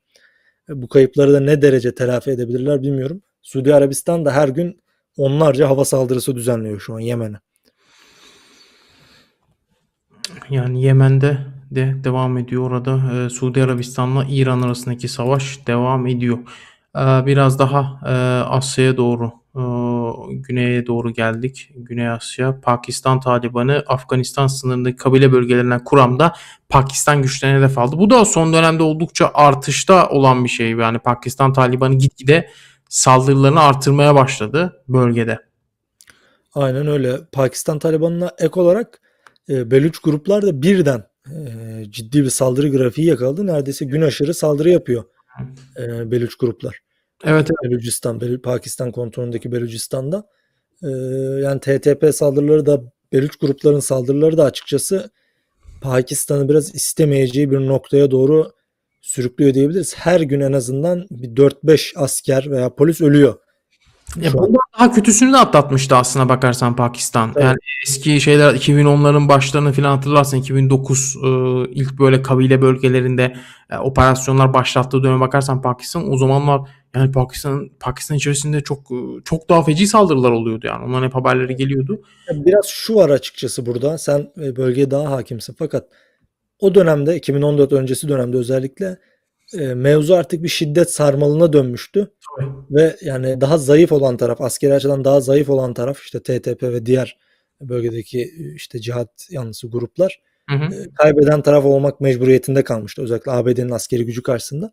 Fakat şu an olay e, askeri hedeflerin ve Pakistan'ın dışına taşırılmıyor. Özellikle bölgedeki gruplar tarafından. Tabii. Ya bu da meselenin bir şiddet sarmalına dönüşmemesini ve Pakistan'ın biraz daha e, böyle daha hassas hareket etmeyi zorunda kalmasına sebep oluyor. Ya bugün mesela yine bölgede bir şiddet sarmalı şekline dönse olaylar Pakistan daha hoyrat davranabilir. Özellikle e, kabile bölgelerinde. Ama bugün böyle bir şey olmuyor. Bu da biraz daha işte TTP'nin yeni siyasetinden kaynaklı biliyorsun. E, hala açıklamalar yapıyorlar. Bugün bir açıklama gördüm işte yine biz Pakistan'ın dışında herhangi bir tarafı hedef almıyoruz. Böyle bir ajandamız yok gibisinden. E, 2014 öncesinde hatırlıyorsun ABD'de dahi bir saldırı üstlenmişti. Evet evet Hekimullah Mesut zamanında. Hekimullah Mesut'un lideri olduğu zamanda. Şu anda da Pakistan'da böyle bir karışıklıklar devam ederken böyle bir şey ortaya çıktı. Ee, yani ben ben de güldüm bayrağı ilk gördüğümde. Hani bu yani Paint'te bile değil herhalde telefondaki bir uygulamadan falan yapmışlar bu bayrağı. Ee, şey ama e, yani şu anda ben bunu resmen yani Tahrik-i Taliban Hindistan e, diye resmen böyle bir şey ben ben hala doğrulayamadım kendi adıma. Twitter hesabı var ama çok şey duruyor yani çok çakma duruyor öyle söyleyeyim. Yani bi- bilmiyorum bunu da bana da atıyorlar böyle Hindistan'da bir Tahrik-i Taliban kurulmuş falan diye. Ya bilmiyorum arkadaşlar ben bunu doğrulayamadım. Yani belki de doğrudur. Ee, ama baktığın zaman işte bu e, şeyi de e, bu neydi? E, Biden e, Amerika şey fonları kesti ya, e, el koydu ya işte 11 Eylül mağdurlarına falan e, vereceklermiş. O, onunla ilgili de bir o bunların Twitter hesabından e, bir mesaj paylaşmışlar işte. E, bunu da servis etmişler ve bu açık Eğlenmeyi seven bir Afgan açmış olabilir mi bu hesabı? olabilir. Ya biraz da en azından bayrak düzgün olsaydı hani biraz diyecektik tamam filan da yani çok çok değişik ya. Yani e, bunu tabii ki açık istihbarat e, açık istihbarat çalışanlar filan bu bilgileri bayağı şey yapıyorlar. Bayağı önemsemişler, bayağı ciddiye almışlar. Tabii. Ama benim böyle ciddi takip ettiğim kaynaklar var bu konularla ilgili. Onlar böyle bizim gibi yaklaşmışlar yani. Pek ciddiye almamışlar gibi görünüyor şu anda. Ya biraz şuna değinmekte fayda var. Genel olarak biz şunu görüyoruz. Bu tarz grupların ilan edilme aşamasında mesela bu e, Keşmir'deki Ensar Gazvetel Hind e, grubunda olduğu gibi yeni ilan edilen diğer böyle cihat yanlısı gruplarda olduğu gibi genellikle belli başlı saldırılarla e, ve biraz daha böyle daha resmi açıklamalar üzerinden varlığını ilan etme pozisyonu oluyor. Mesela Hı. Nijerya'daki Ensaru. Ya burada direkt böyle bir sosyal medyadan atılan bir tweet. Ya genellikle böyle bir jargon değil aslında.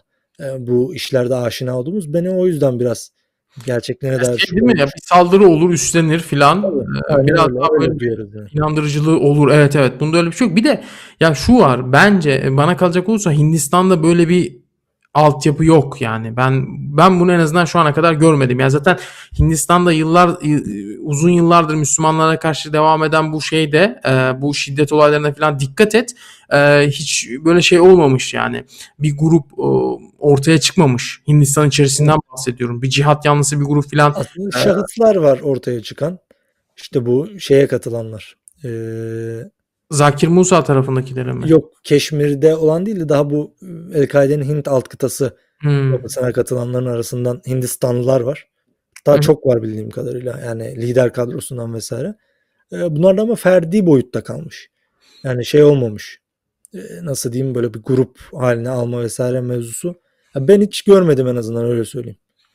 Yani o yüzden ben e, bi- bi- bilmiyorum diyorum yani şu anda soranlara bununla ilgili bir şey. E, şeye geçeceğiz. Ya bu çok enteresan şeyler oluyor. Bu bu e, Afganlar şu an ekranda gördüğünüz e, Afganlar e, Taliban ilk yönetimi devraldığında Kabil'de işte o uçaklara şey yapıp e, atlayıp şeye kaçan e, Birleşik Arap Emirlikleri'ne tahliye edilen Afganlar. Ama bir süredir burada da ciddi e, bir şey halindeler. Bir e, şikayet, e, bir protesto durumları var. Çünkü her şeyden şikayetçiler kaldıkları yerlerden, yemeklerden vesaire ve orada unutulduklarını e, söylüyorlar artık. Yani bizi burada unuttu Amerika diyorlar ve orada gene bir protesto gerçekleştirmişler. Bunları böyle orada bir ABD'ye gitmek istemişler herhalde. Evet, e, burada bir şey gibi e, nasıl diyeyim e, mülteci mahallesi gibi bir yere yerleştirmişler bunları. E, ve bunlar hepsi çok enteresandır. E, zamanında Amerika Birleşik Devletleri için e, orada ne diyeyim yardım eden, Amerika Birleşik Devletleri ile birlik yapan, ittifak kuran insanlar, onlar için çalışan, Amerika Birleşik Devletleri için çalışan Aileleri. ve aileleri ya bunlar şu anda baktığın zaman yani tamamen terk edilmiş durumdalar. Ya bunlar tamam da bir de bu Uganda'ya falan gönderilenler vardı. Ya onlar çok kötü ya.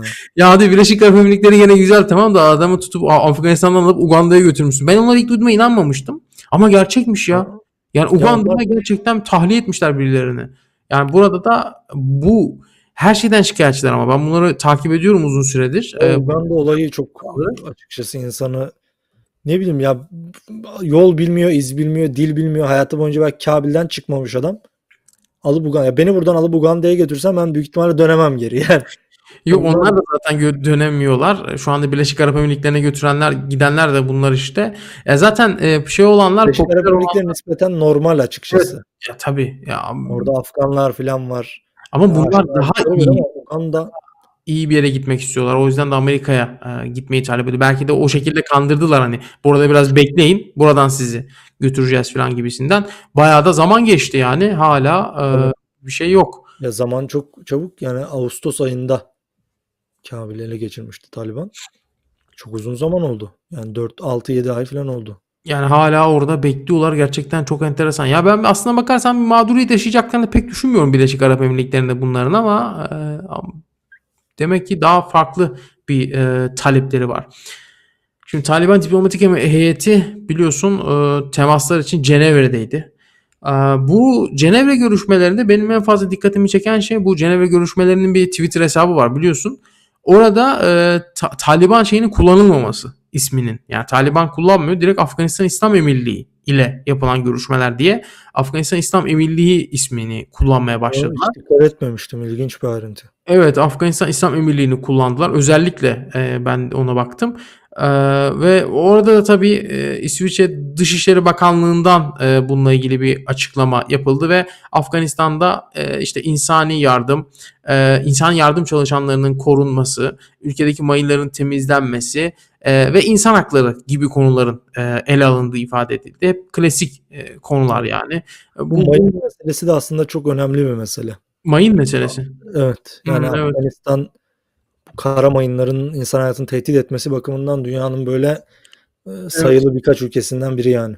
O hal şey oluyor ya ben yerel basını takip ediyorum ya Afgan basınını. E, Hilment'te mesela çok yaşanıyor. E, bir şey buluyorlar, eve getiriyorlar. E, evde patlıyor veyahut da yolda yürürken basıyorlar falan patlıyor. Bunlarla ilgili sadece temizlenmesi de değil. Bu mayın olaylarında e, halkın halkın eğitilmesi gerekiyor. Yani e, işte fotoğraflar e, bununla eğitim veriyorlar. Yani şöyle bir şey görürseniz bunu ellemeyin, şöyle bir şey görürseniz ellemeyin falan gibisinden mayınları halka tanıtıyorlar. Ee, Bunda bir eğit e, çıkartılmasının yanı zaten bu çok zor bir iş mayınların tespit edilip çıkartılması çok zahmetli bir iş. Bir de Milyonlarca mayından bahsediliyor. tabii e, bir de şey var bunu halkın eğitilmesi de ayrı bir mevzu. Eğitilmesi nispeten mayınların çıkartılmasına göre daha kolay. Ee, ama bu mayın olayı önemli. Buna değinilmiş olması da e, bence önemli bu o Cenevre'deki temaslarda. Ama tabii ki e, işte şey var e, nasıl diyeyim e, bir tanıma e, olması gerekiyor artık yani Afganistan'daki yeni, yeni yönetimin. Onlar da bu şekilde işte geçtiğimiz dönemde gene gitmişlerdi yanlış hatırlamıyorsam Cenevre'ye ve yani ama bunların hiçbirisi tam olarak bir tanınma gibi bir Evet. şey getirmedi yani bir, bir- Bir de çok böyle e, ciddi üst düzey bir heyet de gitmedi aslında. şu safları temizleme komisyonu başkanı Lütfullah Evet. Hakimi'nin liderlik ettiği söyleniyor bu şeyde. E, bu arada bu safları temizleme komisyonu biraz ismi bize komik gelebilir ama e, bunların da ben takip ediyorum. E, e, Taliban Afganistan'ın yönetimi devraldığı günden bu yana e, en son benim takip ettiğim rakam 5000'e yakın kişiyi e, şey yapmışlar biliyor musun? E, Uzaklaştırmışlar. yani uzaklaştırmışlar görevlerinden. İşte bu safları temizleme komisyonu bu işi yapıyor. Yani hakkında şikayet olan birisi falan filan varsa herhalde e, o tarz bir şey yapıyorlar. E, 5000'e yakın kişi az değil yani. Tabii. Ya sırf e, Taliban mensupları değil aslında. Hükümetin Mem- içindekiler de. Eski memurlar e, falan da var. Bu da Çok-. Bence bu Afganistan gibi önemli yolsuzluğun böyle dorukta olduğu bir ülkede aslında e, yolsuzluğu önleme bakımından çok mühim bir adım yani. Evet o safları temizleme komisyonu yaptığı iş diyorsun. Ya eski yönetim zamanında var mıydı böyle bir komisyon? Ben bilmiyorum ya. Ben duymuyorum. Safları temizleme belki başka bir isim altında ama onların zaten safları temizleme gibi bir şey olsaydı hükümet kalmazdı yani. Yani yönetim yönetim hepsini temizlemeleri gerekirdi. Çünkü baştan aşağı yolsuzluk vardı. Ya bunu zaten demiştik. Bu genel olarak ya tarihi bir şeydir. Yani işgal edilen herhangi bir yerde kurulan bir işgal hükümetinde genellikle o toplumun dejenere olmuş insanları toplanır. Ya bu e, dünyanın birçok yerinde böyle olmuş tarihten bu yana. Burada da böyleydi yani. Bu da e, dünün en öne çıkan e, haberiydi bence. En önemli haberiydi hatta. Bu Amerikan Başkanı Biden Afganistan'a ait o dondurulmuş fonlara resmen el koydu. Yani gerçekten dünyanın gözünün içine baka baka bu insan hakları savunucusu, dünyanın dünyanın kurtarıcısı olarak lanse edilen Amerika Birleşik Devletleri gerçekten bir devlete ait olan parayı çaldı. Yani bunun başka bir açıklaması yok bence. Ve miktarı da olduğundan düşük gösterdi. Hatırlıyorsan bunu 10-11 Yo, milyar dolarlardan bahsediyorlardı. Bir anda çıktı dediler ki 7 milyar dolardı bu para. Ya İşte 1,5 bunun- milyar dolarla yediler mi ne yaptılar artık bilmiyoruz ama. İşte 3,5 milyar dolarlık kısmı e, şeye gidecek. E, insani yardım olarak gönderecek Afganistan'a. Kalan Orada 3,5 milyar dolar kısmı da 11 Eylül saldırılarına e, mağdurlarına verilecek. Ya kimin parasını kime veriyorlar ya? Ya Çok ben şurada şuna değinmek istiyorum. Bu insani yardım dediği kısım da büyük ihtimalle şöyle olacak. Öncelikle bu parayı şeye verecekler. ABD işte hükümeti içerisinde bu dış yardımlardan sorumlu bir e, Evet. kuruma verecekler. O daha sonra e, onun çalışanlarına maaş ödeyecek o parayla. O daha sonra bir sivil kuruluşa verecek. O daha sonra kendi çalışanlarına maaş ödeyecek. Partner kuruluş bulacak ona verecek. Arada herkes böyle ciddi o paranın böyle artık yarısından fazlasını yiyecek. Ya bu 3,5 milyar doların bilmiyorum herhalde çok çok az bir kısmı Afgan halkına yardım olarak ulaşır. Yine Amerika kendi ekonomisine katacak bu e, 3,5 milyar Evet. dolarlık miktarı. Kalan 3,5'unu direkt e, kendi halkına dağıtacağını söylüyor ki bunu yapan dünyanın en zengin ülkelerinden biri. Dünyanın en yoksul ülkelerinden birinin parasına el koyup halkına dağıtıyorlar. Yani böyle şey gibi. E, komedi filmi gibi aslında baktığın ya zaman. bir de Afganlar Böyle işte o video başına bahsettiğim o seküler Afganlar hala Amerika'dan medet umuyorlar ya. Gerçekten böyle inanamıyorum ya. Onların da onlara bile vermemişler parayı. Belki Yok. onlara vermeyi düşünürler diye. Yani kim- bilmiyorum yani bu gerçekten çok dikkat çekici bir haber, çok önemli bir haber. Çünkü bu fonların e, çözülmesi yani Afganistan devletine e, verilmesi oradaki halkın da hani hep Amerika Birleşik Devletleri'nin başını çektiği şu anda bir şey var ya işte Afgan halkı açlıkla boğuşuyor falan filan şöyle yardım edelim böyle yardım edelim. Birleşmiş Milletler de bu konuda başı çekiyor. E, hani o kadar açlık varsa sen 3,5 ve bunlar çok büyük rakamlar Afganistan için. Tabii canım. Yani 7 milyar dolar bile olsa çok büyük bir rakam. Yani o biraz rahatlama umuyorlardı. Ya 7 milyar dolar bırak Afganistan Türkiye için de büyük bir ım, rakam yani. Az bir para değil 7 milyar dolar. Türkiye için şu anda tabii ki yani çok büyük para. Yani Yani Türkiye üzerinde değil mi? Bu birçok ülke için e, yani böyle çok ekonomisi gelişmiş Tabii. durumdaki ülkeler bir yana birçok ülke için yüksek bir meblağ. ya 7 Merkez Bankası'nın 7 de değildi. 10 satacağı milyar dolar dolar. yani. yani. Bu Birkaç- nasıl 7'ye düştü ben onu da anlamadım. Birkaç günde satsa 7 milyara dövizi biraz daha e, döviz kurunu biraz daha şey tutabilirler yani. E, o bakımdan 7 milyar iyi para. E, ama el koydu gerçekten artık tamam yani bu para ben ben de çözülmesini um- ümit ediyordum Afganistan için ama olmadı Biden gerçekten bir ülkenin parasına resmen el koydular ya ve hep söylüyoruz yani e, kimse de bir şey diyemiyor yani. Ama kimse bir şey, kim dedi Amerika Birleşik Devletleri'ne Ya kimse bir işte şey diyemez. hani bu Ya- tam böyle milletin Trump'tan bekleyeceği bir şeydi. O Trump bölünce Trump bile bu kadar saçma bir şey yapmadı Afganistan Bir de konusunda. Biden'ın biliyorsun artık popülaritesini çok düştü. Biden olan destek Amerika'da çok düşmüş görünüyor. Ve e, bu bak işte 3,5 milyar dolarının 11 Eylül mağdurlarına verilmesi filan. Yani bunlar e, belki de Biden işte yeniden bir şeyler yapmaya çalışıyor. Bir, bir dönem daha başkan olamaz da e, ama desteği en azından kendisi olan desteği belki de arttırmaya yönelik bir iç siyasete, iç politikaya yönelik bir hamle. bu hamlesi aslında. Nasıl? Çok ciddi bir tepki de doğurdu bu hamlesi. Evet. Yani sosyal medya falan sırf Afganlar değil Amerikalılar da bayağı tepki gösterenler olmuş yani. Ki yani Afganistan ya Afganistan işgal edilirken dahi ben bu konuya dair de bir şeyler söylemek gerektiğini düşünüyorum. Afganistan işgal edilme süreci dahi halen yani aradan 20 21 sene geçmiş. Hı hı. halen uluslararası hukuktaki doktrinler bakımından tartışılan bir mevzu. Yani Evet. ABD'nin Afganistan'a işgali legal miydi, illegal miydi diye. Baktığın zaman hakikaten ABD'nin öne sürdüğü işte ABD bir doktrin uydurdu. İşte önleyici meşru müdafaa diye bir doktrin uydurdu uluslararası hukukta Afganistan'a girerken bunu meşrulaştırmak için. Hı hı. Baktığın zaman eee, saçma sapan talepleri oldu Afganistan'dan. İşte biz oraya size şey yollayacağız da denetmen bütün eğitim kamplarının biz çalışmaz halde olduğundan emin olacağız. Oralara hep adam yollayacağız. Bunlara izin vereceksiniz. Ya, tamamen Afganistan hükümetinin aslında egemenliğini ABD'ye devretmesini istediler. Ve bu yapılmayınca da saçma sapan bir bağlam ile Afganistan'ı hiçbir uluslararası hukuka uyuşmayan bir eee, tavırla işgal ettiler. ABD'nin de çok umurunda değil uluslararası hukuk ama bu işgallerden yenildiler. Bu sefer de devlete ait olan yani bu X bir harekete veya hükümete falan ait bir para değil. Devlete ait bir para ki devlet de e, süreyen bir şeydir yani. Yani Bir rejim değişikliği olur, şu olur, bu olur ama devlet devam eder. Hakları ve borçları e, yeni kurulan rejime aktarılır. İşte Osmanlı'nın mesela borçları birçok devlet arasında pay edildi Osmanlı yıkıldıktan sonra. Evet. Bu Afgan devletine ait bir para. Hani sen X örgüt onu yönetir, Y grup onu yönetir, Z partisi orayı yönetir. Bu kimseyi ilgilendirecek bir şey değil. O devlete ait bir paradan söz ediyoruz. Ve ABD buna böyle göz göre göre el koydu ve yani ben açıkçası çok ş- ya şaşırmadım da çok komik geldi bana. Evet yani öyle. Çok böyle abartılı bir hareket yani. Öyle ya bayağı bir buçuk saat olmuş bu arada. Var mı ekleyeceğim bir şey son olarak? Benim başka notlarım e, herhalde yok. Hindistan mevzunu özellikle hatırlatmak istiyorum tekrar. Yani bu meseleye dair duyarlılık olması gerektiğini düşünüyorum.